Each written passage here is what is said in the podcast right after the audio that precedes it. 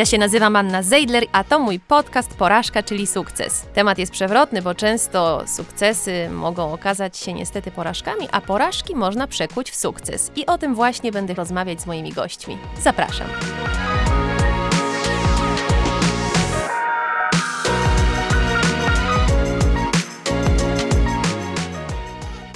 Dzień dobry Państwu. Dzisiaj moim gościem jest wyjątkowa kobieta, pisarka, podróżniczka, himalaistka, pierwsza Polka po Wandzie Rutkiewicz, która zdobyła szczyt K2. Myślę, że długo można by wymieniać rzeczy, którymi się Moniko w życiu zajmujesz. Może najlepiej mm, poprosić o to ciebie, żebyś powiedziała, co jeszcze jest y, twoją pasją.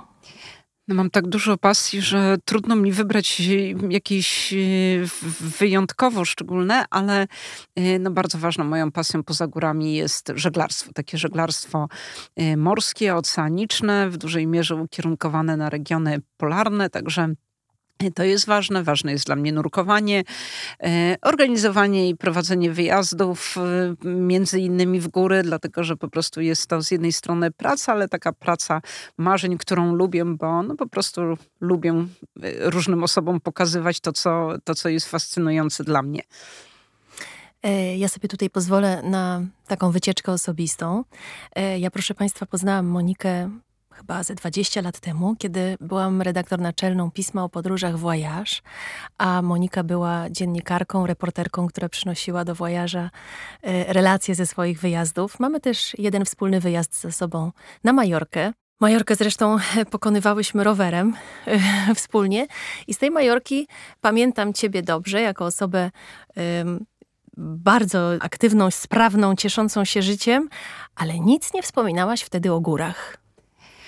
Oj, to już było rzeczywiście dawno, czy góry na tym etapie jak najbardziej były obecne w moim życiu, dlatego że y, pasja górska, no to u mnie zakorzeniła się jeszcze w, w okresie szkoły podstawowej, kiedy, kiedy ze swoją drużyną harcerską wyjeżdżałam najpierw Bieszczady, no potem był czas na, co, na, coraz wyższe góry.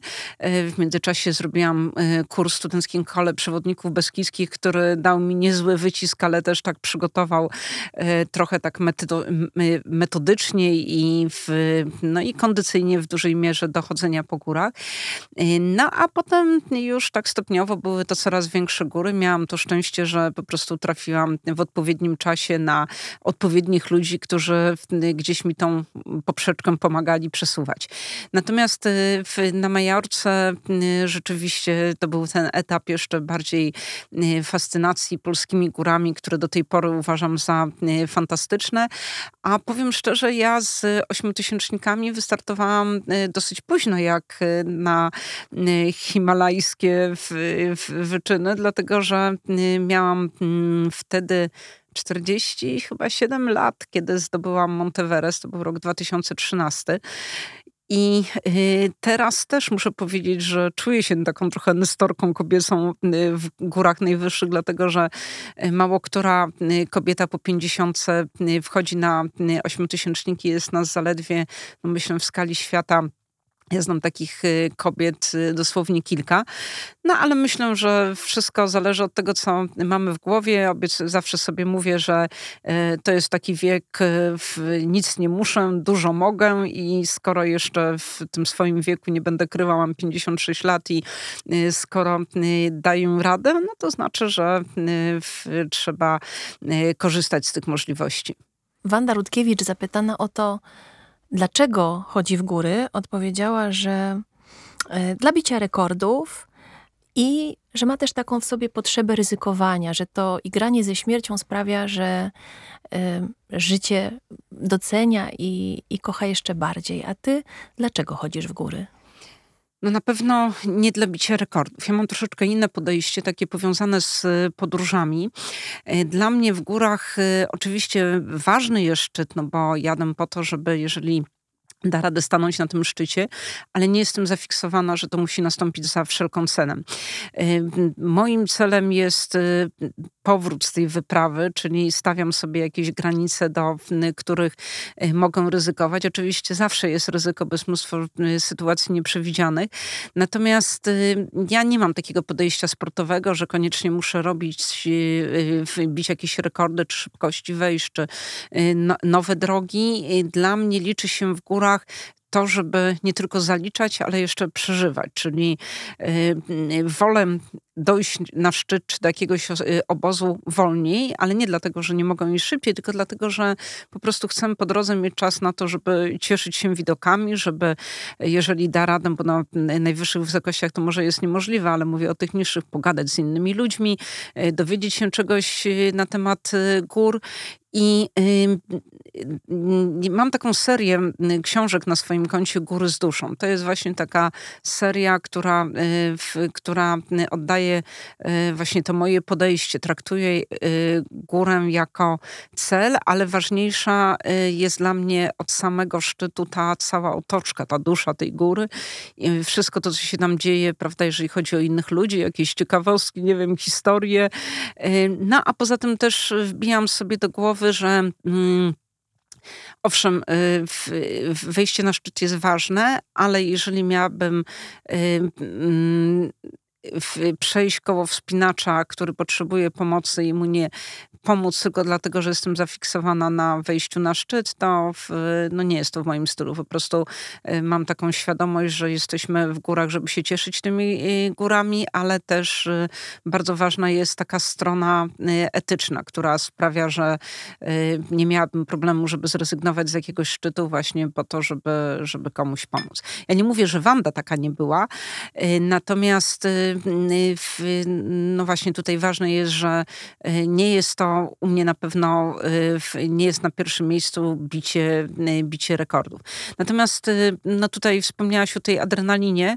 Ja myślę, że ludzie, którzy chodzą w te najwyższe góry, trochę są uzależnieni od adrenaliny gdzieś no, tkwi to w nas. Znaczy, z jednej strony nikt mi nie powie, że się tych gór nie obawia. To znaczy, tak jak rozmawiam z innymi Himalajstami, my chyba często wypieramy z siebie to, że jest to aż tak duże ryzyko, ale myślę, że każdy wyjeżdżając na taką wyprawę, kiedy dociera do niego, że może z tej wyprawy nie wrócić, no chyba włącza mu się jakaś tam czerwona lampka. Zresztą co do tego strachu, bo ja myślę, że to jest taki temat często pomijany w jakichś książkach, y, w literaturze himalajskiej. Ja mówię o tym wprost, bo y, pamiętam y, taką, te, takie zdarzenie z mojego kursu spadochronowego, bo kiedyś miałam na koncie taką, taki epizod sportów powietrznych. No i jak robiłam kurs przygotowujący mnie do samodzielnych skoków, zapytałam swojego instruktora, który miał na koncie kilka tysięcy skoków, mówię, a ty się nie boisz skakać po tylu skokach? A on tak spojrzał na mnie i mówi, nie, no jasno, że się boję. Jeżeli ktoś mi mówi, że się nie boi, to albo kłamie, albo jest niespełna rozumu. I wydaje mi się, że w górach jest tak samo, że y, ten strach, lęk to jest y, coś, co powinno występować, tylko ważne jest, żeby to nie było coś, co nas paraliżuje, tylko coś, co y, mobilizuje nas do podjęcia bardziej racjonalnych decyzji, no i ewentualnie też odpuszczenia szczytu. Ale ty przed każdą wyprawą masz z tyłu głowy takie myślenie, że może nie wrócisz? E, tak, chociaż to wygląda tak, no przykładowo przed y, tymi wyprawami na śmiotysięczniki to jest tak, jak, y, jak jest pomysł, żeby jechać na taką wyprawę, to wszystko jest, y, prawda, takie radosne, jestem pełna euforii, hura, wyprawa się szykuje i tak dalej ale im bliżej tej wyprawy, tym mm, no, dociera do mnie, że y, różny może być finał. I najgorsze są momenty tuż przed samym wyjazdem, kiedy to chyba nie tylko ja tak mam, bo to właśnie tak jak mówiłam, inni himalaiści też się do tego przyznawali. Y, jest taki moment, kiedy y, najchętniej byśmy chyba powiedzieli, że o, no nie, jeżeli y, prawda, pojawiałaby, pojawiłaby się jakaś przyczyna, żeby, żeby odpuścić honorowo prawda, wyprawę, to niewykluczone, żeby się z tego skorzystało. No ale już są kibice, już są sponsorzy, już się powiedziało, no nie wypada się tak wycofać. To są bardzo trudne chwile dla mnie, na przykład y, jeżeli chodzi o moje, y, o moje kontakty, relacje z moim mężem, czy y, kontakty z moim tatą. Wszyscy wiemy, że ta wyprawa się może w, w, różnie zakończyć, ale traktujemy to jako temat tabu. W ogóle o tym nie, nie rozmawiamy. Mój mąż wtedy rzuca się w wir pracy, ja też jestem w wirze przygotowań i potem jak przychodzi moment wyjazdu, to już jest coś takiego, że a co ma być, to, to będzie, prawda, wsiada się do samolotu, a na miejscu się okazuje, że takich, no można powiedzieć, wariatów w cudzysłowie jest y, dużo więcej. No i potem już jest jednak te optymistyczne y, nastawienie. Natomiast y, ja myślę, że to jest naturalne, że człowiek sobie uzmysławia, że, że po prostu różnie się to może potoczyć. Czyli nie ma za każdym razem wzruszeń przy pożegnaniach? Wzruszenia są, bo zawsze mm, jak mój mąż mnie odwozi na lotnisko, nie, nie odprowadza mnie do odprawy, tylko zostawia mnie prawda, przy wyjściu z samochodu.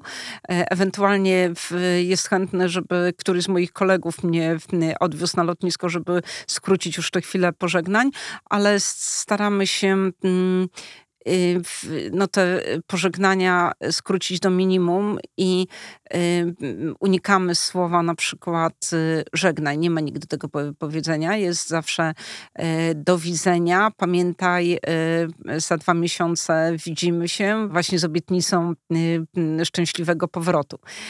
No ja też jestem przywiązana do jakichś tam amuletów, więc też no takie wyprawy, trudno powiedzieć na ile rzeczywiście rzeczywiście w to wierzę, ale to jest tak, też jak rozmawiałam ze znanymi polskimi himalistami, z Krzysiem Wieliskiem, y, Ryśkiem Pawłowskim, czy tam e, z Leszkiem Cichym, oni też e, zawsze mówią, że nawet y, jeżeli ktoś mówi, że y, nie wierzy w jakieś, y, prawda, jakieś tam znaki, nie jest przesądny, nie jest religijny, na wyprawie to się troszeczkę zmienia, bo y, no, uważamy, że wszystko, co może pomóc w tym szczęśliwym powrocie, nie zaszkodzi, a pomóc może, więc prawda, na taki wyjazd, no to zawsze mam właśnie pe pełne jakichś tam, nie wiem, maskotek, właśnie jakichś wisiorków od czy mojej rodziny, czy, czy właśnie od znajomych.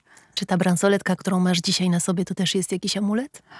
A ta akurat nie. Ta jest pamiątką po zakończonym kilka dni temu wyjeździe do Tanzanii, kiedy y, po raz szesnasty byłam na Kilimandżaro, prowadzając tam y, grupę, ale mam kilka takich y, bransoletek, które często noszę na co dzień z takim aniołkiem, którego dostałam od swojej przyjaciółki, z inna bransoletka od mojego, w, w, mojego największego przyjaciela Adama.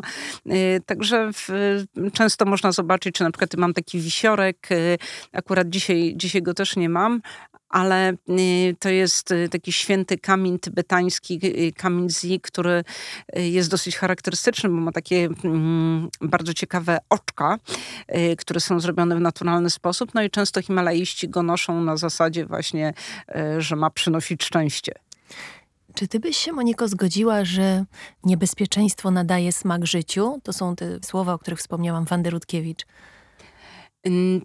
W pewnym stopniu tak, dlatego że mm, w, to jest tak, że na przykład jeżeli y, odnoszą, y, odniesiemy się do gór, tych najwyższych gór, to myślę, że y, my wszyscy bardzo kochamy życie. Często niektórzy nas nazywają samobójcami, ale to nie ma nic wspólnego z tym, że nie szanujemy życia, czy, czy jest nam wszystko jedno, czy je stracimy, czy nie. Natomiast myślę, że każdy z nas jest bardzo na to życie zachłanny.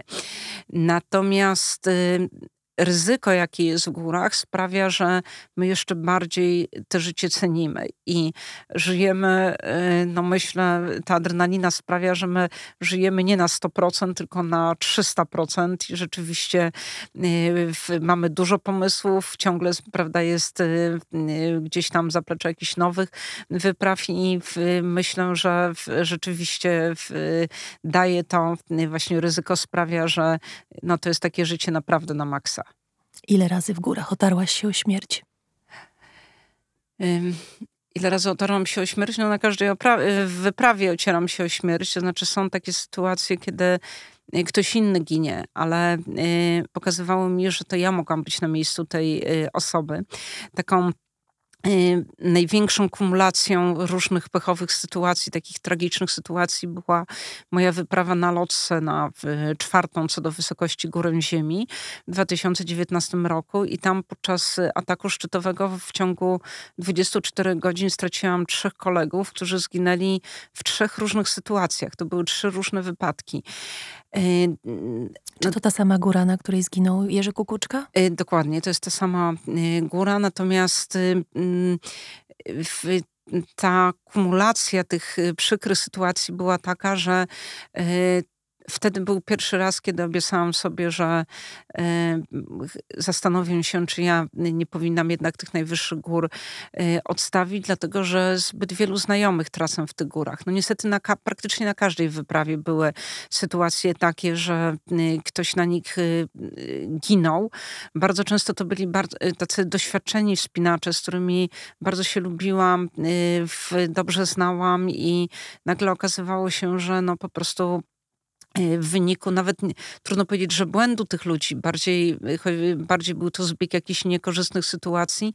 No niestety tych y, ludzi już teraz wśród nas nie ma. Natomiast jeżeli chodzi o moje doświadczenia jeszcze takie najbardziej groźne, no to taką rzeczywiście groźną sytuację miałam na Broad Peaku na wyprawie w 2021 roku, kiedy mm, no to tam długa opowieść, troszeczkę ją skrócę, bo kto będzie zainteresowany, to odsyłam do mojej książki Broad Peak Darowane Życie, gdzie nawet w tytule jest tam y, y, w, o, tej, o tej sytuacji.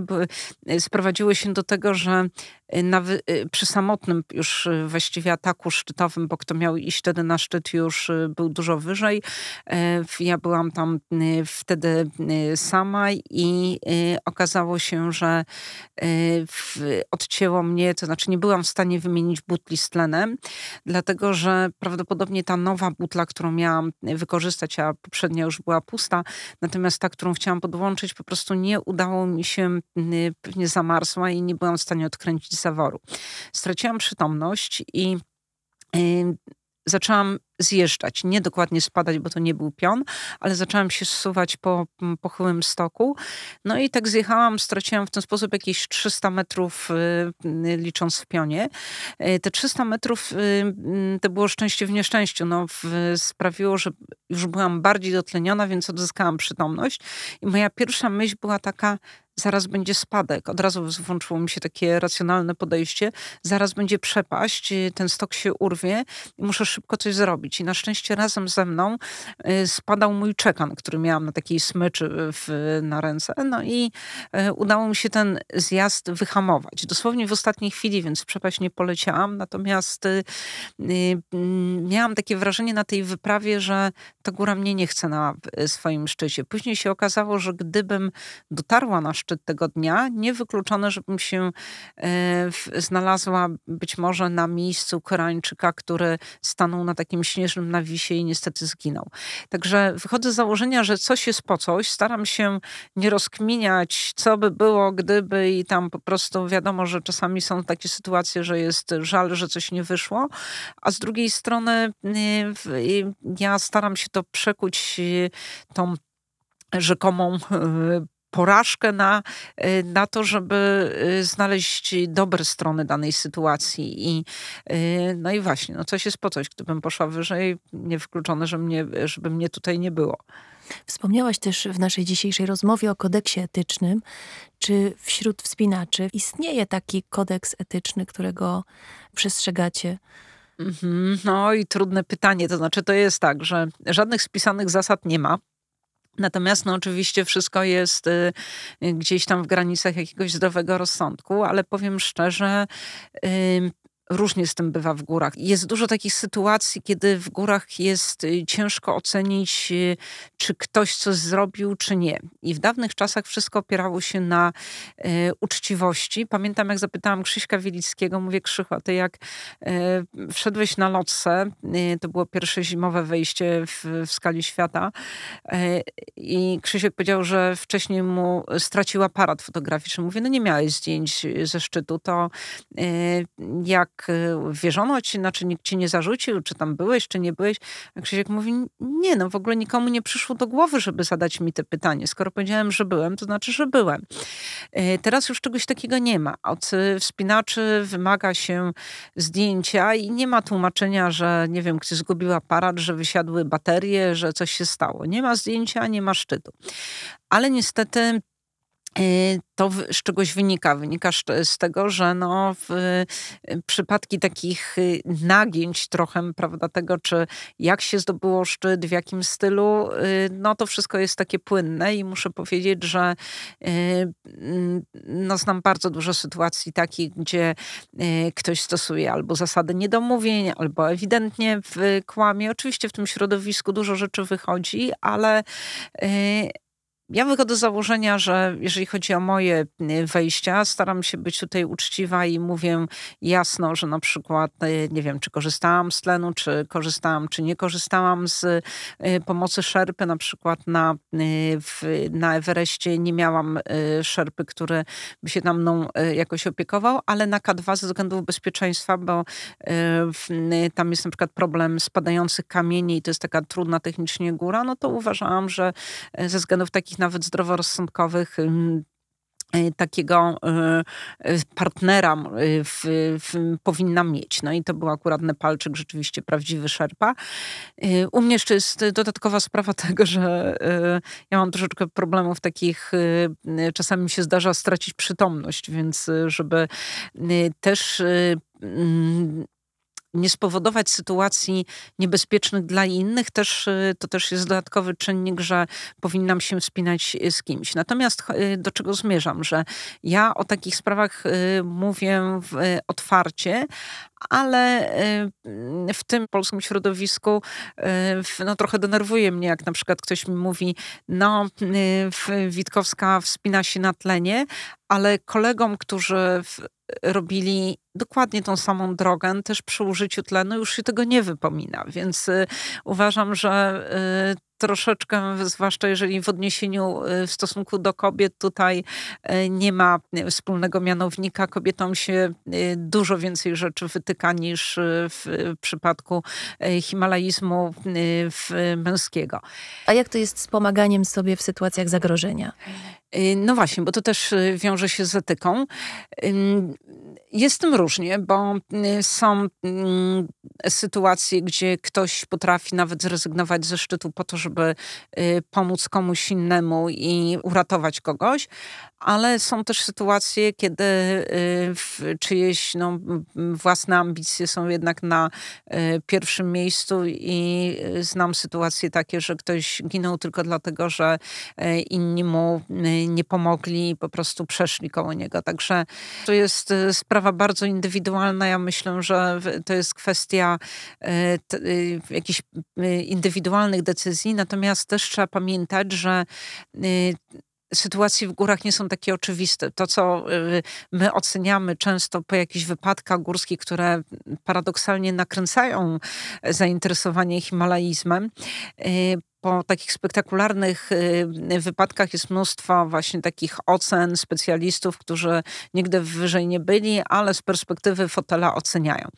Natomiast nie bierze się pod uwagę tego, że na y, wysokościach typu 8000 to nie jest tak, że my kogoś weźmiemy pod, y, pod rękę i go po prostu możemy sprowadzić albo znieść. To znaczy, jeżeli ta osoba nie współpracuje sama, to praktycznie y, w, prawie, że nic nie możemy zrobić. I każda sytuacja jest inna, ale nawet na niższych wysokościach to są bardzo trudne momenty. Ja byłam w takiej sytuacji kiedyś na Denali, ponieważ mam też zaliczoną koronę Ziemi, czyli najwyższe szczyty e, wszystkich kontynentów, a Denali, czyli najwyższa góra Ameryki Północnej e, na Alasce też jest zliczana do tej korony.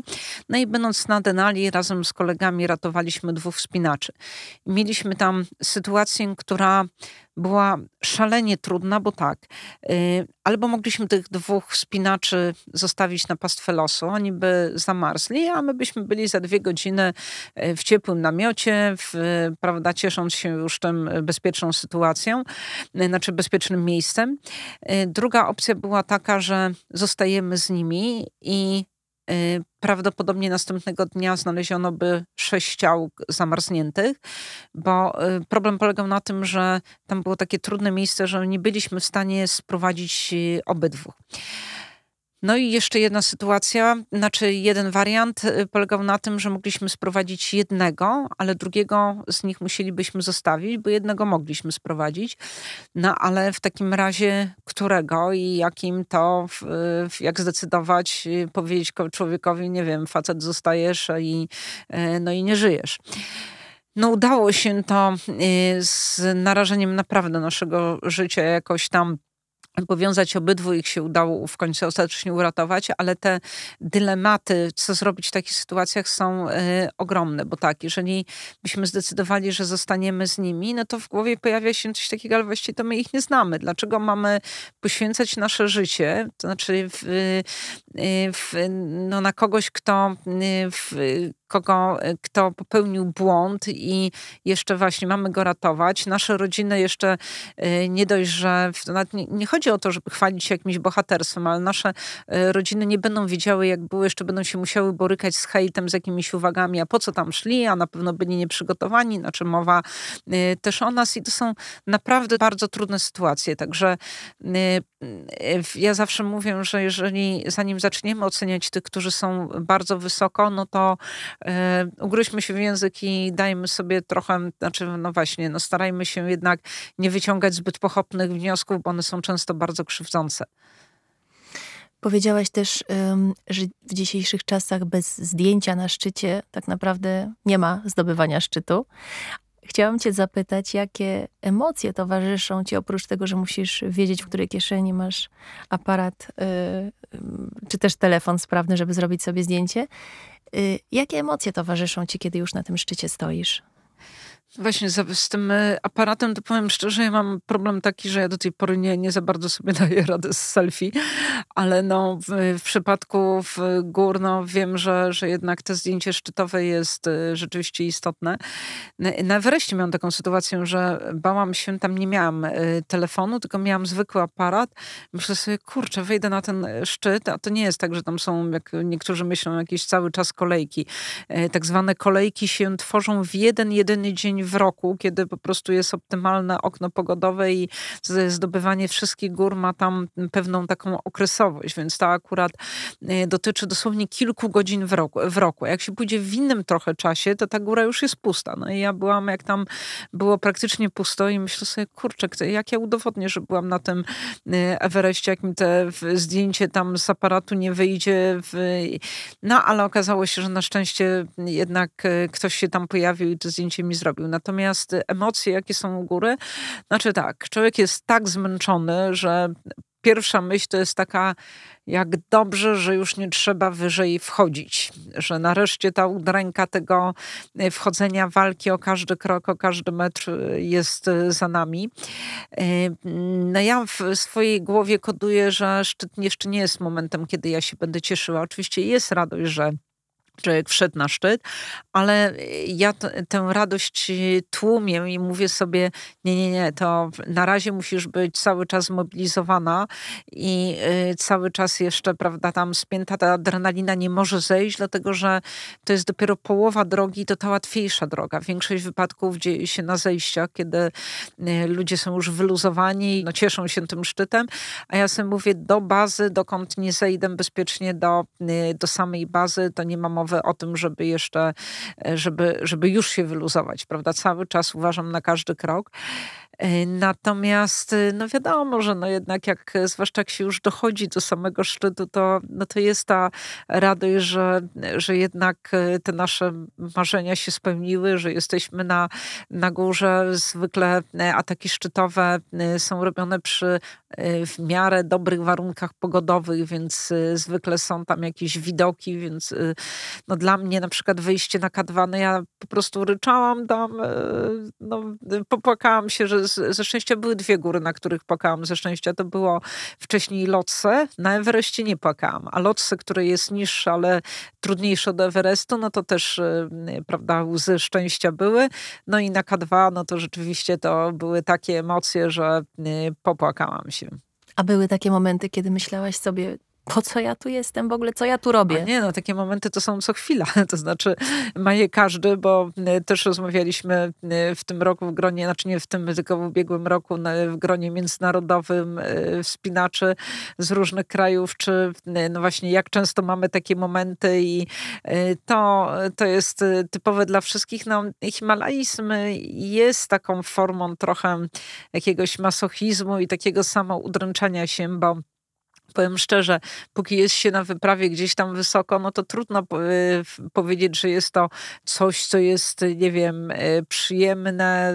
Oczywiście są różne emocje, e, są fajne doświadczenia, ale przede wszystkim jest to jedna wielka udręka i to wynika z niedotlenienia, to znaczy to, że nasz organizm się buntuje przeciwko temu, że jest zbyt mało tlenu w powietrzu i tak, boli nas głowa, dużo osób wymiotuje bardzo często się o tym nie mówi, ale jeszcze takim klasycznym problemem w górach są biegunki. E, każda czynność jest e, problemem. Nie wiem, założenie buta to już wymaga, nie wiem, wysiłku, dyszenia. Jak idzie z tym ciężkim plecakiem, też e, wszystko jest trudne.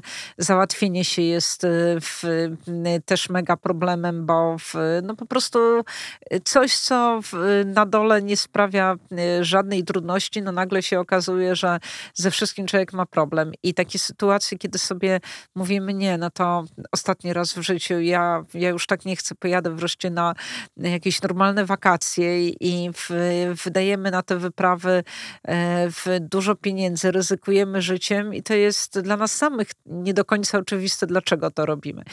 No a z drugiej strony, jak e, już na etapie, jak się wraca po takiej wyprawie do e, cywilizacji, jeszcze nie dotrzemy do tej cywilizacji, jeszcze jesteśmy na tym trekkingu powrotnym i zaczyna się planowanie kolejnych wypraw. Powiedziałaś, że nawet dla was, Himalajstów, nie jest to do końca jasne, dlaczego to robicie. Wielu ludzi uważa, że e, wy, Himalaiści, uciekacie w góry przed czymś. Czy to jest prawda, czy nie do końca? Ja się z tym akurat nie zgadzam, bo w, y, y, słyszałam takie opinie, ale na przykład powiem to w, na swoim przykładzie. Ja nie mam przed czym uciekać. Jestem zadowolona ze swojego życia. Oczywiście nie przeczę, że y, są w tym środowisku osoby, które y, nie mogą się odnaleźć w normalnych, y, w normalnych realiach i góry dają im y, możliwość trochę takiego wyciszenia się, czasami wykazania, czasami w, w no jest to pomysł na to, żeby no właśnie ta adrenalina też y, była i coś tam, prawda, można osiągnąć. Natomiast y, w moim przypadku y, absolutnie słowo ucieczka jest niewłaściwe, bo ja swoje takie normalne, codzienne życie lubię. Mam, nie mam problemu z tym, żeby mieć tutaj w tym normalnym, codziennym życiu jakieś dobre relacje rodzinne i, i z przyjaciółmi. Natomiast jest to. Y, na pewno y, bardziej by to pasowało określenie, że ucieczka, y, chociaż no, słowo ucieczka właśnie ciągle mi to nie pasuje, ale takie ważne jest oderwanie się od tych takich normalnych spraw, nie wiem, jakiejś lawiny maili, telefonów i nagle jak wkraczamy w ten świat gór, gdzie często nie ma internetu, nagle się okazuje, że możemy się trochę wyciszyć, przemyśleć pewne tematy, chociaż muszę powiedzieć, że z tym internetem to jest tak, że on coraz częściej już te góry wkracza. I y, bardzo charakterystyczne, znamienne jest to, jak różnią się wyprawy, na których jest internet i na których nie ma. Na przykład y, na takich wyprawach, gdzie jest internet, to mm, wszyscy siedzą wieczorami, prawda, w smartfonach, tabletach i po prostu wszyscy w, nie ma praktycznie jakiejś interakcji, bo każdy jest zajęty, to jakieś media społecznościowe a w tym roku na przykład na K2 było tak, że internetu nie było. Miał być, no i nagle na początku święte oburzenie, że jak to, no,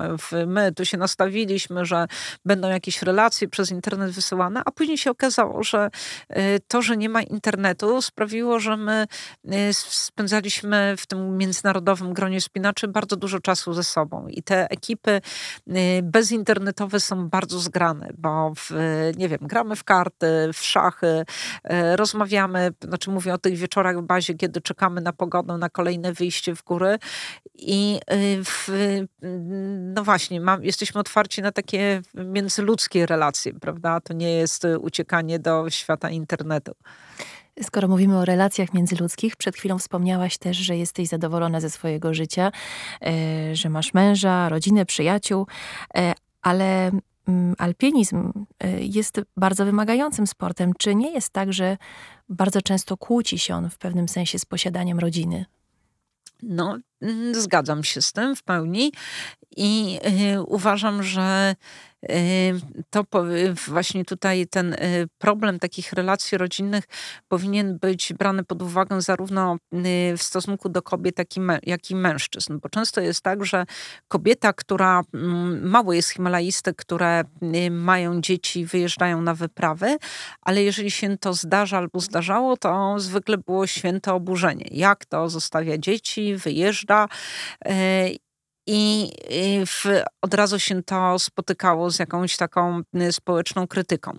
Jeżeli to samo robi mężczyzna, y, no to już jest taryfa ulgowa. Natomiast y, moje prywatne zdanie jest takie, że mm, to znaczy tak, no z grona takich himalaistek, które znam, które są bardzo czynne, to większość nie ma dzieci, Y, ewentualnie ma już te dzieci podchowane. Natomiast y, mm, no, znam sytuacje takie, że, że ktoś jednak miał małe dzieci, czy, czy panowie, czy kobiety. I tutaj uważam, że ja bym małych dzieci, znaczy nie chcę oceniać tych osób, bo to jest indywidualna sprawa, ale gdybym ja była w takiej sytuacji, że mam małe dzieci, y, nie podjęłabym decyzji o ryzykownej, o ryzykownej wyprawie na ośmiotysięcznik. No po prostu uważam, że stopień ryzyka jest duży i w, no myślę, że tutaj mm, włączyłaby mi się funkcja odpowiedzialności. Ale ja myślę, że jest jeszcze inny problem taki, że dużo y, no przede wszystkim kobiet nie mm, tak jest gdzieś y, w tej pasji górskiej zatracone, że y, znaczy to ma oczywiście swoje dobre strony, ale gdzieś y, bardzo często te dziewczyny przegapiają moment, żeby założyć rodzinę i żeby mieć te dzieci. Także to, że często himalajski mają dzieci, też y, może wynikać z tego, że gdzieś tam po prostu cały czas ta pasja y, himalajska, czy w moim przypadku też podróżnicza, była na pierwszym miejscu. No ale to są oczywiście bardzo prywatne wybory. Natomiast dla mnie osobiście ważne jest to, że y, w, ja mam w swojej rodzinie, w swoim przede wszystkim mężu, y, mam bardzo duże oparcie i y, tutaj, w, tutaj rzeczywiście Paweł bardzo mnie wspiera. Natomiast jeszcze odnosząc sytuację do mężczyzn, którzy zostawiają swoje partnerki, no to na przykład na lotce jeden z kolegów, który zginął, zostawił żonę w ciąży. I uważam, że jeżeli e, ktoś ma mm, e, partnerkę w ciąży, no to dla mnie jest niewytłumaczalne, że jednak wybiera wyprawę. Powiedziałaś, Moniko, że rezygnujesz z ośmiotysięczników. Dlaczego? E, tak, jest to świadoma decyzja mm, wynikająca z kilku czynników. Znaczy tak, po pierwsze, tak jak powiedziałam, uznałam, że mm, po prostu zbyt wielu znajomych straciłam w górach. Każda śmierć bardzo mnie y, tak prywatnie dotyka, bo w, jeżeli są to osoby, które znam, to rzeczywiście te przeżycia są takie, że, że już ich miałam po prostu tyle, że nie chcę mieć więcej. A poza tym uświadomiłam sobie, że jeżeli ja chcę żyć i realizować jakieś swoje kolejne plany, no to po prostu trzeba sobie postawić granicę. Uważam, że i tak miałam dużo szczęścia, y, natomiast y, mam jeszcze inne pasje, na które w ostatnich latach, przez to, że te wyprawy na ośmiotysięczniki były bardzo takie obciążające y, czasowo, to y, y, gdzieś te inne pasje poszły trochę w odstawkę, a chciałabym do nich wrócić. Między innymi taką bardzo ważną dla mnie pasją, tak jak mówiłam, jest żeglarstwo. Tutaj mowa o takich dłuższych rejsach, nie tam tygodniowych, tylko często wielotygodniowych albo kilkumiesięcznych. Chcę wrócić do podróży. Mam tutaj też na myśli takie podróże, no nie banalne, takie trochę no, trudniejsze, to znaczy no, byłam w około 180 krajach świata, nie mówię, że muszę być we wszystkich, ale jest kilka krajów jeszcze, gdzie, gdzie nie byłam, a, a chciałabym dotrzeć, na przykład, nie wiem, Czad, Republika Środkowoafrykańska, tam Sierra Leone, no jednym słowem to są takie trochę trudniejsze podróże i w Afganistan na przykład, Irak i po prostu zamierzam E, w najbliższym czasie tam pojechać. No a w, e, w, kolejna sprawa, no to tak jak wspominałam, no już nie jestem najmłodsza, więc też tak realnie patrząc, nie, nie chciałabym nigdy spowodować sytuacji, że y, ktoś miałby mnie ratować tylko dlatego, że y, przekroczyłam jakąś taką, znaczy, że na pierwszym miejscu stawiam sobie swoje ambicje, a y, organizm gdzieś przestanie za tym nadążać. Na razie on nadąża, trenuje intensywnie, ale uważam, że jest jeszcze kilka fajnych rzeczy, które też wymagają e, jakiegoś tam hartu ducha i ciała i w, mogą je realizować. Teraz mam trochę pomysłów takich y, y, związanych z polarnictwem, typu w najbliższym czasie wyjeżdżam do Norwegii na takie e, przejście właśnie na nartach z sankami i w, potem myślę, że w, dalszej, w dalszych planach będą kolejne takie bardziej ambitne tego typu wyprawy.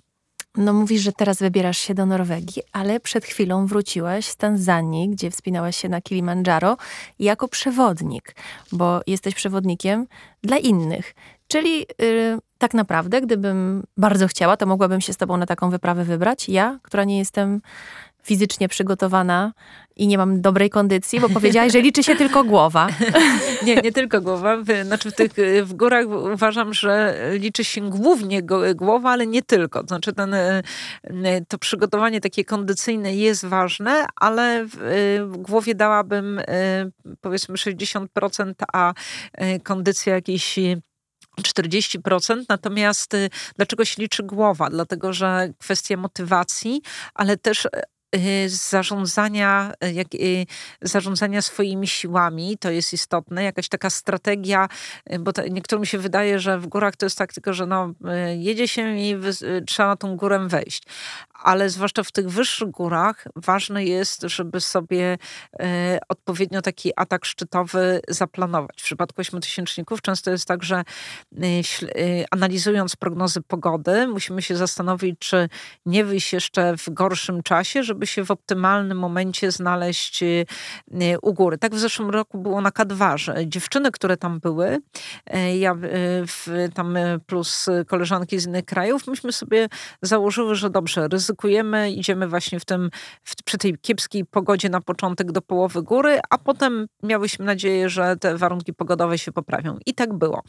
Nasi koledzy y, stwierdzili, że oni poczekają sobie na dobre warunki, bo oni nie będą się wspinać przy, w złych warunkach. I okazało się, że przykombinowali. Y, większość z nich nie, nie weszło na szczyt, bo y, potem już te warunki na górze się pogorszyły. Więc y, to oczywiście jest tam, y, czy się zdobędzie szczyt, to jest wypadkowa wielu czynników, też jakiegoś tam szczęścia, pogody, no ale między innymi też tej strategii.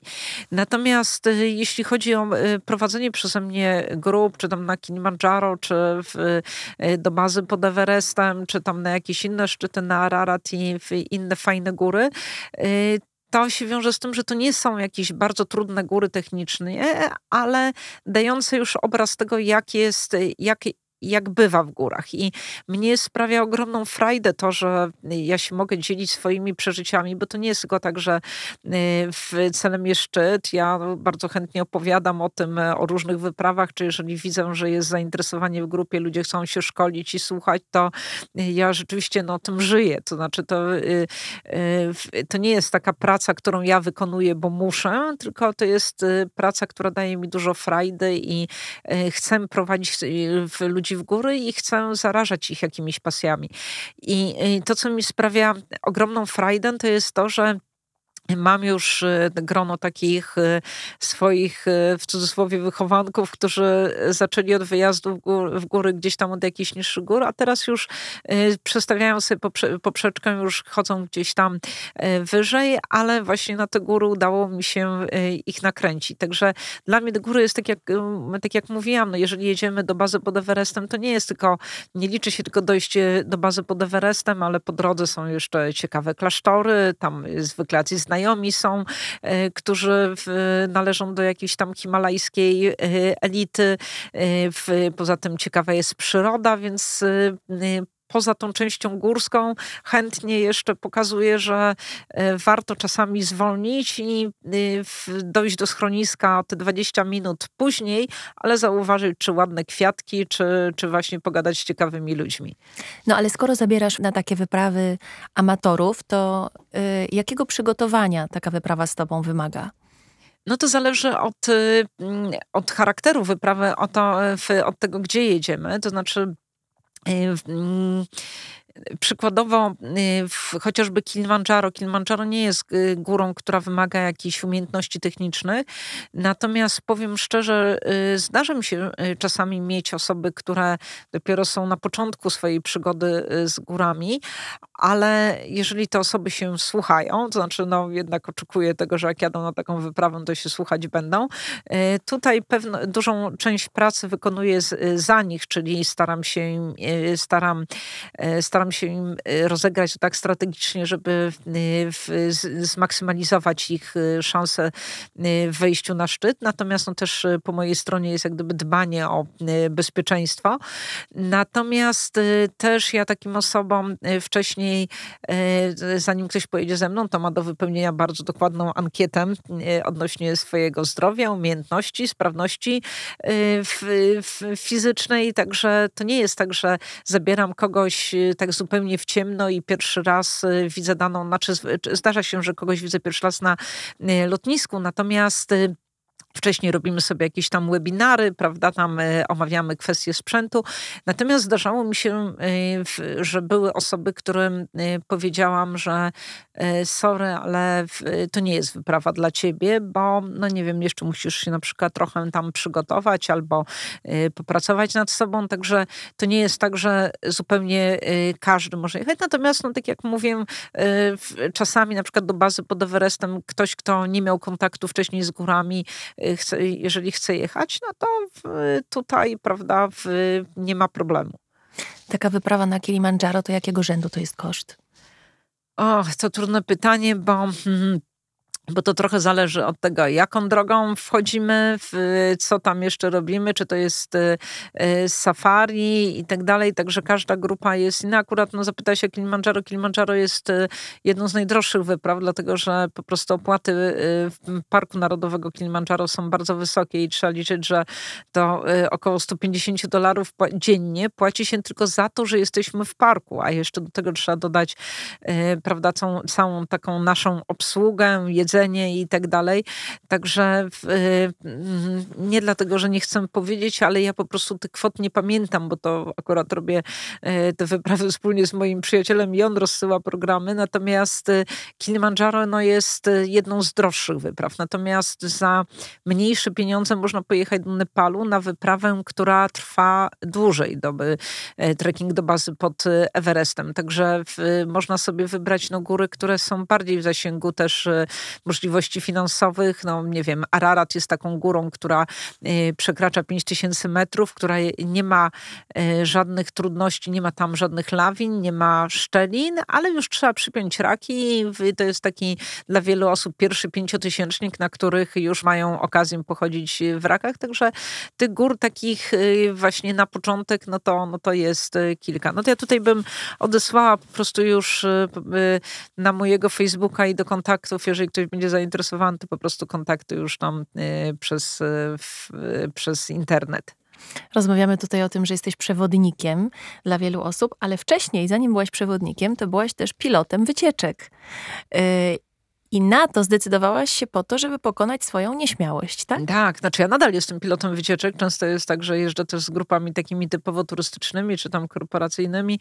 E, natomiast e, tak, tutaj geneza tego, że e, zostałam pilotem wycieczek była taka, że w, na początku nie myślałam o tym, że stanie się to moja praca, praca, którą bardzo, bardzo lubię, ale y, y, to była forma pracy nad sobą, bo ja zawsze wychodziłam z założenia, że y, w, oczywiście mamy pewne genetyczne uwarunkowania, ale nad sobą możemy pracować. I zawsze ta praca nad moim charakterem była bardzo istotną częścią mojego życia. No i po prostu uznałam, że ja na ten kurs pilotów wycieczek, ja byłam wtedy na początku studiów, dawno, dawno temu, pójdę, dlatego że pomoże mi to w pokonaniu jakiejś y, właśnie nieśmiałości i da mi obycie takie, że w kontaktach z, z, ludźmi. Wiedziałam, że jak pójdę na taki kurs, to będę musiała, y, żeby zdać egzamin, nie wiem, y, mówić do mikrofonu, przełamać jakieś swoje bariery i rzeczywiście to mi bardzo dużo dało. Znaczy,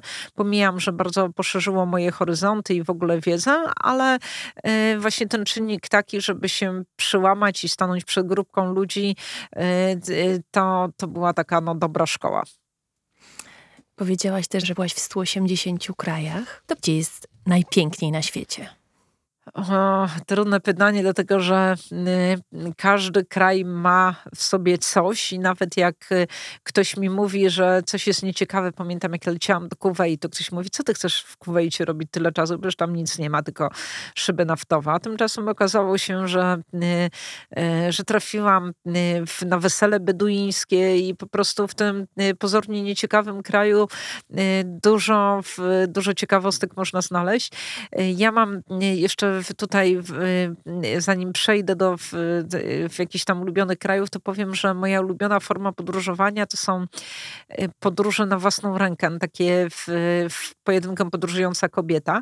E, nie dlatego, że nie mam z kim jeździć na takie wyjazdy, tylko właśnie te podróże w pojedynkę dają mi najwięcej możliwości obserwowania lokalnego życia. Wtedy jestem, mam dobry kontakt i z miejscowymi mężczyznami, ale przede wszystkim z miejscowymi kobietami, jest dosyć istotne. Jeżeli jeżdżę z kimś, no bo zdarza mi się, że y, czasami jeżdżę z jakimś kumplem. Co na to mąż? Y, co na to mąż, a to zaraz powiem. Tylko jeszcze powiem, że jak jadę z kimś, to jest tak, że, że wtedy miejscowi ludzie wstydzą się podejść, no bo tak, rozmawiamy po polsku, prawda, no, traktują, że, że właśnie nas jako taką, no, w cudzysłowie, parę, której nie wypada przeszkadzać. Więc jeszcze najpierw wrócę do pytania, które są moje ulubione kraje. Są to kraje islamu, bo tutaj czasami dużo osób jest zaskoczonych, ale ja mam na myśli takie konserwatywne kraje islamu, gdzie ludzie bardzo pomagają kobietom i paradoksalnie, wbrew temu, co niektórzy z nas myślą, e, wszystkie dziewczyny, które jeździły po takich krajach muzułmańskich, potwierdzą, że e, tam jest, e, czujemy się bardziej bezpieczne niż w wielu innych krajach, gdzie na przykład takie najgorsze sytuacje damsko-męskie miałam w Europie, w krajach Ameryki Południowej, gdzie jest ta kultura macho, a w tych krajach muzułmańskich jest jednak spokojniej. No i do tych krajów należą, takich moich ulubionych, należy Algieria, należy Turcja z nastawieniem, z naciskiem na, y, y, na wschodnią część Turcji. Oman w Jemen, znaczy Jemen teraz akurat może specjalnie nie polecam, bo tam niestety e, są, e, no, sytuacja polityczna nie sprzyja takim wyjazdom.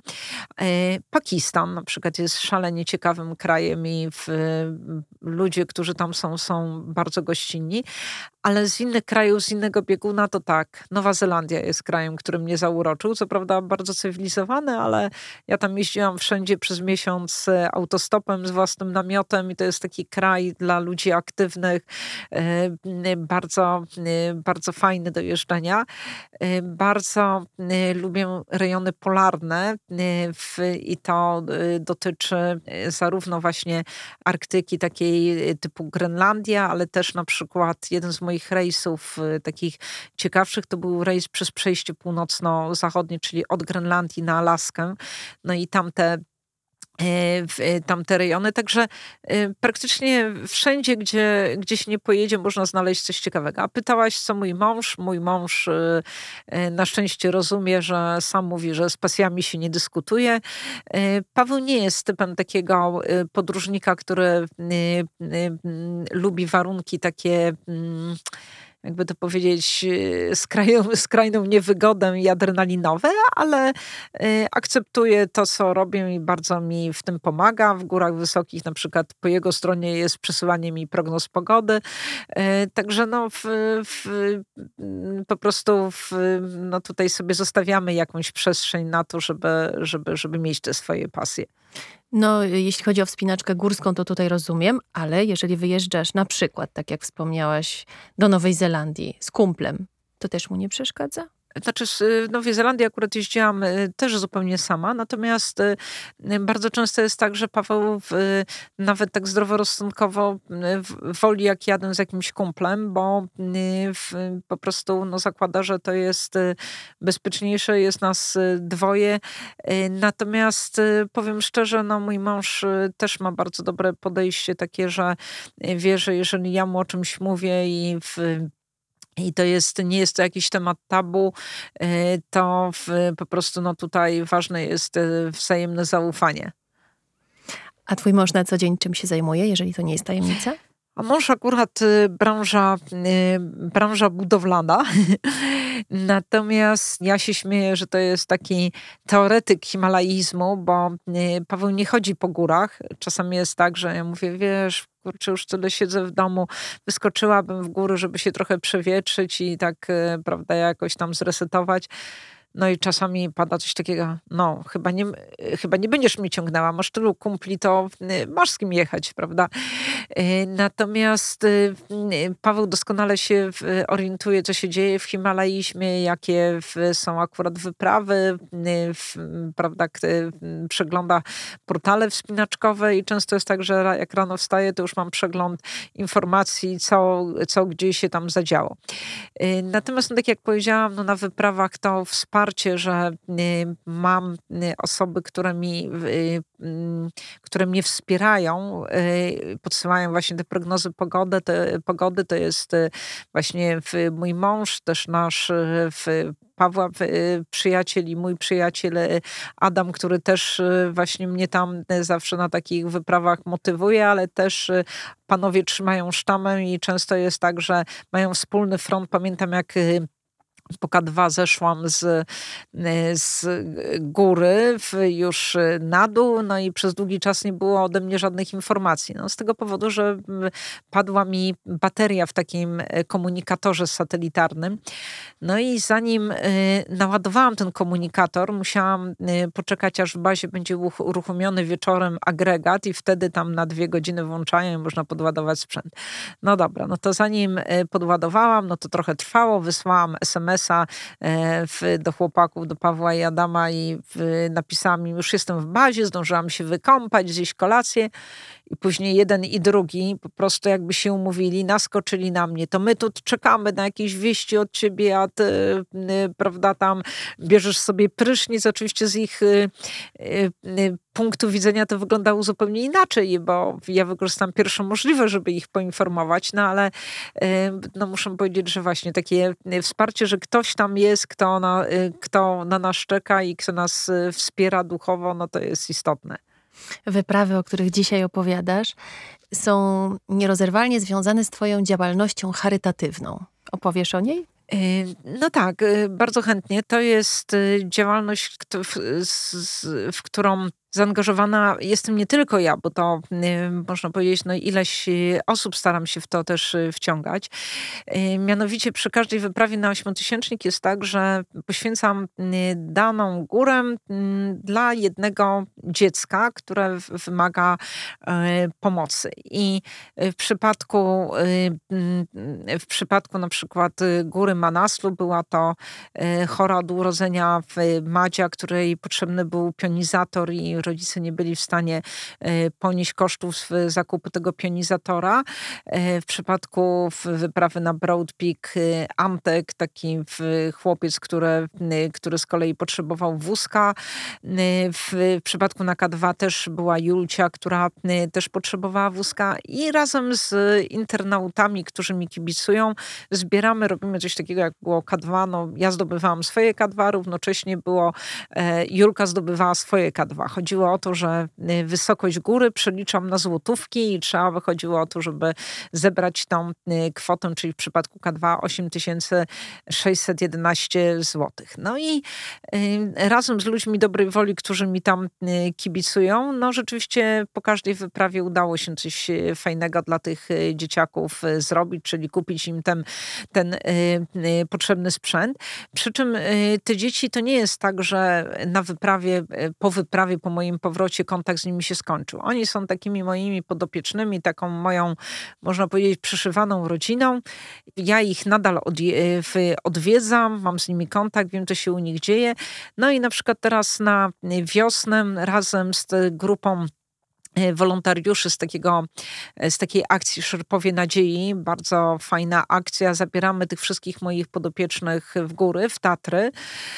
No i e, dla części z nich no już wyzwaniem będzie samo dotarcie do, do Morskiego Oka, w czym ci wolontariusze pomogą, dlatego że to jest kwestia czy pchania wózków, czy przyniesienia, ale niewykluczone, że część tych moich podopiecznych może na plecach tych szerpów nadziei zostanie wniesiona gdzieś wyżej, to znaczy myślimy na przykład o Giewoncie e, albo e, o Nosalu. No w każdym razie e, akcja polega na tym, żeby pokazać góry tym osobom, które normalnie by tam wyżej nigdzie nie trafiły.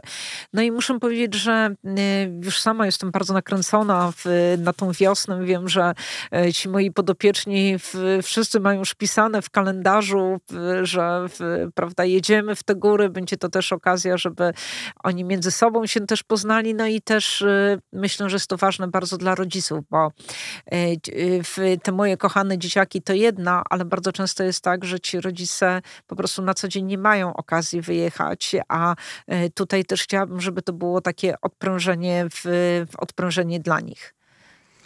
Dzisiaj, Moniko, dużo mówiłaś o swoich osiągnięciach sportowych, można powiedzieć. A powiedz, czego cię góry nauczyły w tym wymiarze duchowym?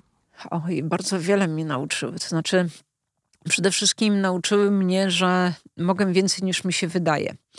Że jakieś y, ograniczenia to są właśnie tylko, y, tylko w mojej głowie, ale y, mogę naprawdę dużo, dużo więcej. Nauczyły mnie tego, że warto marzyć, ale nie tylko marzyć. Zawsze mówię, że marzenia same się nie spełniają, marzenia się spełnia. Musimy im w tym pomóc i y, bardzo ciężko na to y, zapracować zwykle, bo rzadko kiedy jest tak, że no tak pstryki i coś się udaje. Bardzo no, w przypadku na przykład gór, no to trzeba się do tego przygotować i z jednej strony kondycyjnie, na przykład y, formy się nie zbuduje w 2-3 tygodnie. Trzeba na to pracować miesiącami, więc w moim przypadku takim zapracowanym życiu te treningi bardzo często wymagały, żeby wstawać bardzo wcześnie rano, jeszcze tam często po, e, po nocy gdzieś tam, prawda, jechać do jakiegoś klubu albo gdzieś tam w okolicy e, robić ten trening. Bardzo często jest tak, że mi się po prostu gdzieś, nie wiem, no nie chciało po prostu, wiadomo, no jesteśmy ludźmi, raz ma się większy zapał, raz mniejszy.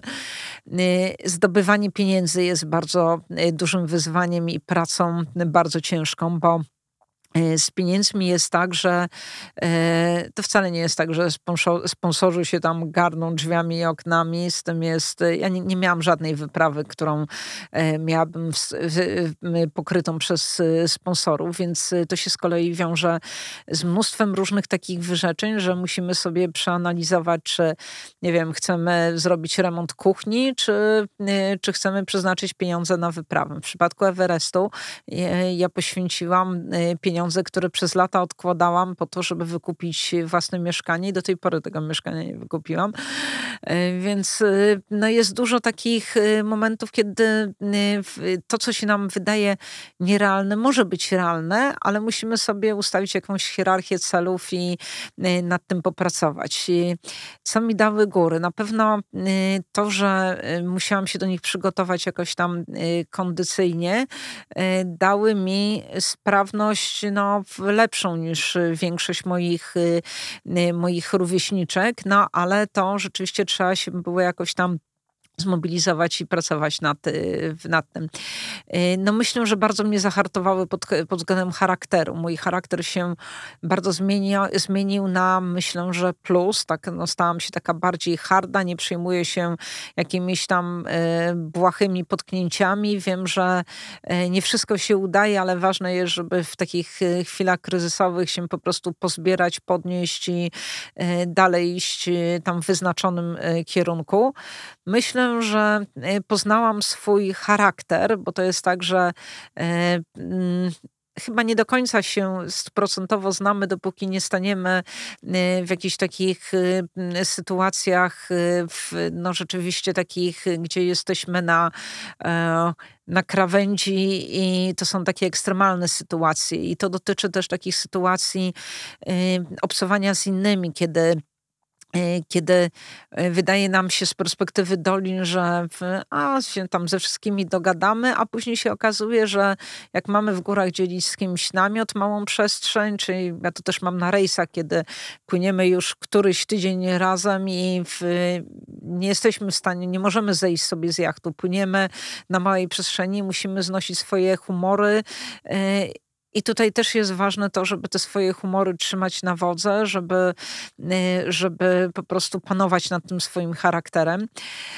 Także y, no, widzę ewidentnie bardzo, bardzo dużo plusów. Wyprawy nauczyły mnie też, właśnie jeszcze a propos tego, co mi dają wyprawy, nauczyły mnie doceniać takie drobne rzeczy, nad którymi się normalnie człowiek nie zastanawia.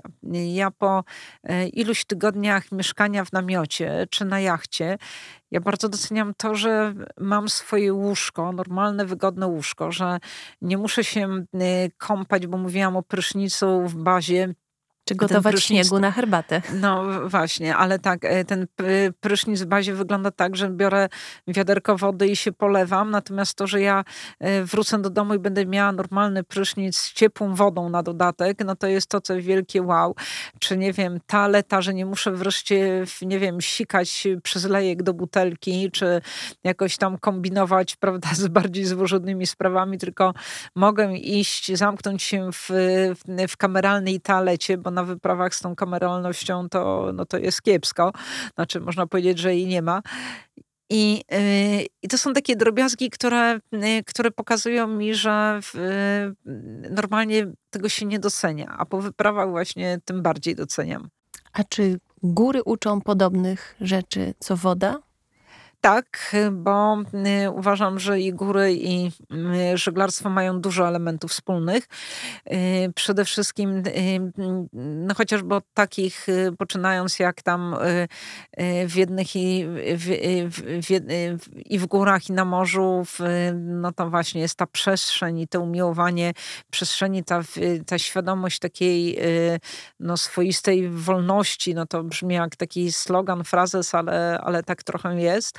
E, druga rzecz to e, w i góry, i woda właśnie wymagają tego poniekąd hartu i umiejętności też pokonywania jakichś kryzysów, bo jesteśmy, jeżeli jesteśmy na takim długim rejsie, to znowu wrócę do tego, że w, co w górach mówiłam, że często jest tak, że mówię sobie, nie, to ostatni raz ja to już, e, prawda, no, w, dość takich wypraw i tutaj jakiegoś takiego e, zajeżdżania się i po prostu w cały czas udręczania. I na morzu jest podobnie, kiedy wstaję o godzinie, w, nie wiem, 12 12 w nocy na wachtę, jest zimno, y, wieje, ja mówię o takich rejsach trudnych, arktycznych. I y, w, daleko w, od domu, y, prawda, w, nie wiem, tęsknimy do tego domu, wychodzimy z tej naszej strefy komfortu, no i tutaj też są takie momenty, kiedy się zastanawiam, co ja tutaj robię i też na rejsach sobie mówię, że nie, nie, nie, ja wreszcie popłynę kiedyś na jakiś rejs na jakieś ciepłe wody, gdzie, prawda, nie wiem, lazur wody na rafie i gdzieś tam po Karaibach sobie popływam. I ciągle na tych Karaibach nie byłam. A czy jest tak, że tęsknota jest poniekąd wpisana w twoje życie?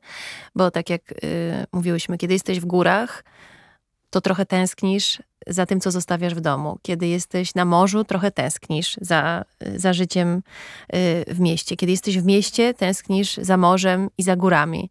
Czy tak jest, że ta tęsknota gdzieś tam cały czas ci towarzyszy? Y, no jak najbardziej tak jest. Jeżeli jestem y, już, nie wiem, powyżej tygodnia w domu, to mam ochotę wyjechania gdzieś. Ja nie mówię, że to musi być na koniec świata, ale e, przynajmniej gdzieś tam, czy poza Warszawę, czy w, w jakieś takie miejsce, gdzie mam e, przestrzeń.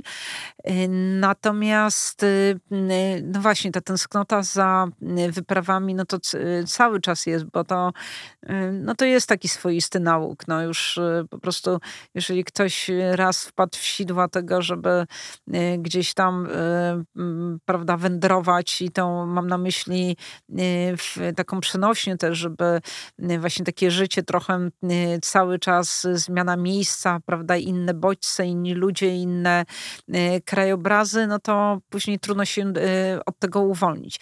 Ale ja muszę powiedzieć, że Czasami właśnie są osoby, które mówią, jak ty, ty zodiakalny rak, to ty powinnaś być domatorką i w, masz takie, takie nietypowe zainteresowania jak na raka ale ja myślę, że y, ja jestem domatorem, dlatego że ja z przyjemnością wracam do domu i y, po takich długich wyprawach ja mam taką potrzebę, żeby zaszyć się w tych czterech kątach. Zresztą nawet jak właśnie jak siedzę i piszę książki, to mnie to sprawia wielką radość. Znaczy z jednej strony od czasu do czasu muszę gdzieś wyskoczyć, jak za długo siedzę przy komputerze, to już mówię do Pawła, wiesz co, no jeżeli to jest lato, ja wyskoczę przynajmniej na trzy dni na deskę, popływam sobie na windsurfingu na, na Zatoce albo albo gdzieś tam wyskoczę w góry i, i mam potrzebę wyjazdu, ale ja lubię być w domu i e, Teraz jeszcze e, odkąd zagościł w, w, naszym domu kot od trzech lat, no to jeszcze dodatkowo, prawda, Melka też jest takim e, czynnikiem, który sprawia, że jeszcze fajniej w, w domu się zrobiło. Natomiast no po prostu no, ten dom to jest dla mnie taka ostoja w bezpieczeństwa i w, w takie miejsce, gdzie e, w, no właśnie ciasne, ale własne i gdzie ja się dobrze czuję. Nie umiałabym, znam podróżników, którzy cały czas podróżują, którzy nie mają swojego domu, tylko cały czas się przemieszczają, gdzieś tam popracują jako wolontariusze, pojadą gdzieś w inny koniec świata, ale ja bym chyba tak nie umiała. Ja, ja, ja muszę mieć miejsce, do którego będę wracać. Co, Moniko, jest Twoją największą porażką, a co sukcesem? Z Twojego mm. punktu widzenia. To znaczy tak, uważam, że. Yy, czy jakieś porażki, znaczy no, mm, mnie chyba w moim umyśle nie ma y, określenia porażka, bo y, każda sytuacja nas czegoś uczy i coś, co inni by określili porażką, nie mówię, że akurat jest może sukcesem, ale to jest nowe doświadczenie, które y, daje mi Y, no po prostu przykuwam na to, żeby gdzieś się tam przyczyniło do, y, też nie przypadam za słowem y, sukces, no ale powiedzmy do jakichś tam kolejnych pomysłów. Także z porażek, no właśnie, znaczy takich typowych porażek, nie, no nie mam. Zawsze coś jest za coś, więc słowa, słowo porażka eliminuję, a... A dlaczego nie lubisz słowa sukces? Bo dla mnie trochę brzmi tak buńczucznie, bo to jest trochę taki. Mm, trudno to zdefiniować, bo coś, co dla jednych jest sukcesem, dla innych nie jest. Jeżeli ktoś mi powie, że e, no nie wiem, wejście na Kilimandżaro jest e, sukcesem, dla niego tak, dla mnie no takie nie do, nie, nie do końca, ale... E, to co dla ciebie jest sukcesem? Mm co dla mnie jest sukcesem. To znaczy tak, e, w moim życiu, no dobra, no, mimo wszystko, jeżeli, bo brakuje mi tutaj jakiejś alternatywy i synonimu, no to jednak wrócę no jednak do tego słowa sukces. E, w moim życiu e, nie wiem, czy teraz powiem to w dobrej kolejności, ale tak, żeby to usystematyzować. W górach na pewno sukcesem są e, ośmiotysięczniki. No, największym bez porównania K2, które jest niższe od Everestu, ale e, dużo, dużo trudniejsze. To pomiędzy K2 a Everestem to jest przepaść. To naprawdę K2 jest trudną górą. Ale ten Everest też był dla mnie sukcesem. Nie w sensie nawet może e, góry, tylko tego, że pokazał mi, że mogę naprawdę dużo więc jak gdyby zmienił moje myślenie. Pokazał, że, że nawet takie szalone marzenia właśnie można, y, można spełniać. Natomiast y, ja się umiem też y, cieszyć z takich małych sukcesów, więc coś, co inni powiedzą, że to nie jest sukces, ale mnie to daje dużo frajdy. Jeżeli no nie wiem, ktoś y, wyśle mi zdjęcia z rysów, bo zdarzały się takie sytuacje i dostaję SMS od jakichś nieznajomych mi ludzi, którzy piszą, słuchaj, jesteśmy tu dzięki tobie, bo po twoich książkach nakręciliśmy się na góry i zrealizowaliśmy jakieś marzenie, to dla mnie to też jest sukces, bo to jest ich sukces, ale y, to jest y, coś, co daje mi satysfakcję z tego, że komuś, czemuś te moje książki służą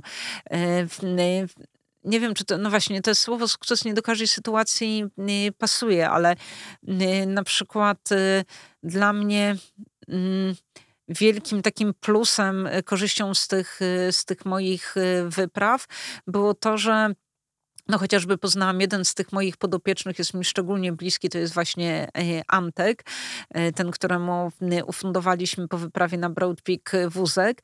I Antek i jego rodzina bardzo dużo mnie nauczyli. Tego, że e, nie wszystkim się układa tak dobrze, jak na przykład mnie, że świetnie, że ja mogę realizować te swoje pasje, ale dla mnie to, że poznałam przy okazji gór Antka jego rodzinę, to jest ogromna wartość dodana, bo po prostu y, wiem, że y, rzeczywiście są ludzie, którzy mają mnóstwo problemów, ale przy tym potrafią być tak pogodni i tak zorganizowani, że y, naprawdę no, w, to oni są dla mnie bohaterami, a niekoniecznie ci, którzy, w, którzy skupiają się tylko na swoich pasjach. Znaczy, ja ogólnie uważam, że Mm, no nie wiem, to może trochę y, tak nieskromnie zabrzmi, ale uważam, że całe życie moje jest jakimś tam pasmem sukcesu, bo się jakoś toczy i ja jestem z tego życia zadowolona. Nawet jeżeli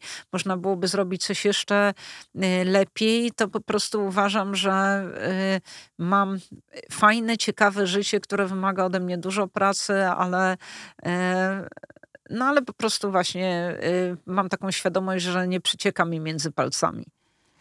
Bardzo Ci, Moniko, dziękuję za dzisiejszą rozmowę. Nie wiem, czego się życzy Himalajstom, żeby mierzyli wysoko, żeglarzom pomyślnych wiatrów. tak, pomyślnych wiatrów żeglarzom i jest takie życzenie żeglarskie stopy wody pod kilam. E, ale w Himalajistom no nie ma tutaj jakiegoś konkretnego życzenia, ale życzy się, ja myślę, że ważne jest to, żeby właśnie e, wracać z tych wypraw e, szczęśliwie, najlepiej bez odmrożeń. No, ja z kolei życzę wszystkim słuchającym tego, żeby ze swojego życia byli zadowoleni, żeby y, każdy, prawda, zdobywał ten swój Everest, niezależnie jaki, y, jaki on jest. Dla jednych y, będzie to y, potężna góra, a czasami okaże się, że mały szczycik y, daje dużo, dużo satysfakcji. Nie myślę tylko wyłącznie o górach, ale takim, no powiedzmy, bardziej przynośnie, że warto sobie y, wyszukiwać jakieś cele, które będziemy realizować. Jeszcze powiem a propos swojego wieku, bo czasami po prelekcjach, jakichś spotkaniach autorskich przychodzą do mnie dziewczyny, panie, które mówią, o, no ale my to już tak, tak ci zazdrościmy, zazdrościmy, ale my to y, no już tego nie możemy, prawda, nie możemy myśleć o takim życiu. Pytam się, ale dlaczego? A, no bo już, prawda, jesteśmy za stare. Pytam się, no a ile masz lata? No 45 kurczę, 45 lat, to jeszcze, prawda, możemy y, przysłowiowo góry przenosić góry. Także, y, także po prostu nie, nie, nie stawiajmy sobie takich ograniczeń, wiek to tylko metryka, realizujmy swoje marzenia niezależnie od wieku. Po prostu uważam, że każdy wiek ma swoje plusy i minusy. Trzeba dostrzegać te dobre strony. Nie, to nie jest tak, że no, wyszukuję sobie jakieś zmarszczki i się tam zamartwiam każdym siwym włosem. Po prostu wychodzę z założenia, że w, no, po prostu mam tyle lat, ile mam i jest mi z tym dobrze. Bardzo Ci teraz jeszcze dziękuję za naszą rozmowę, za tę garść inspiracji. Kto wie, być może ja i ktoś ze słuchaczy też wyśle Ci kartkę z rysów. Zapraszam serdecznie. Dziękuję bardzo za uwagę i zapraszam już do wysłuchania kolejnego odcinka podcastu Porażka, czyli sukces.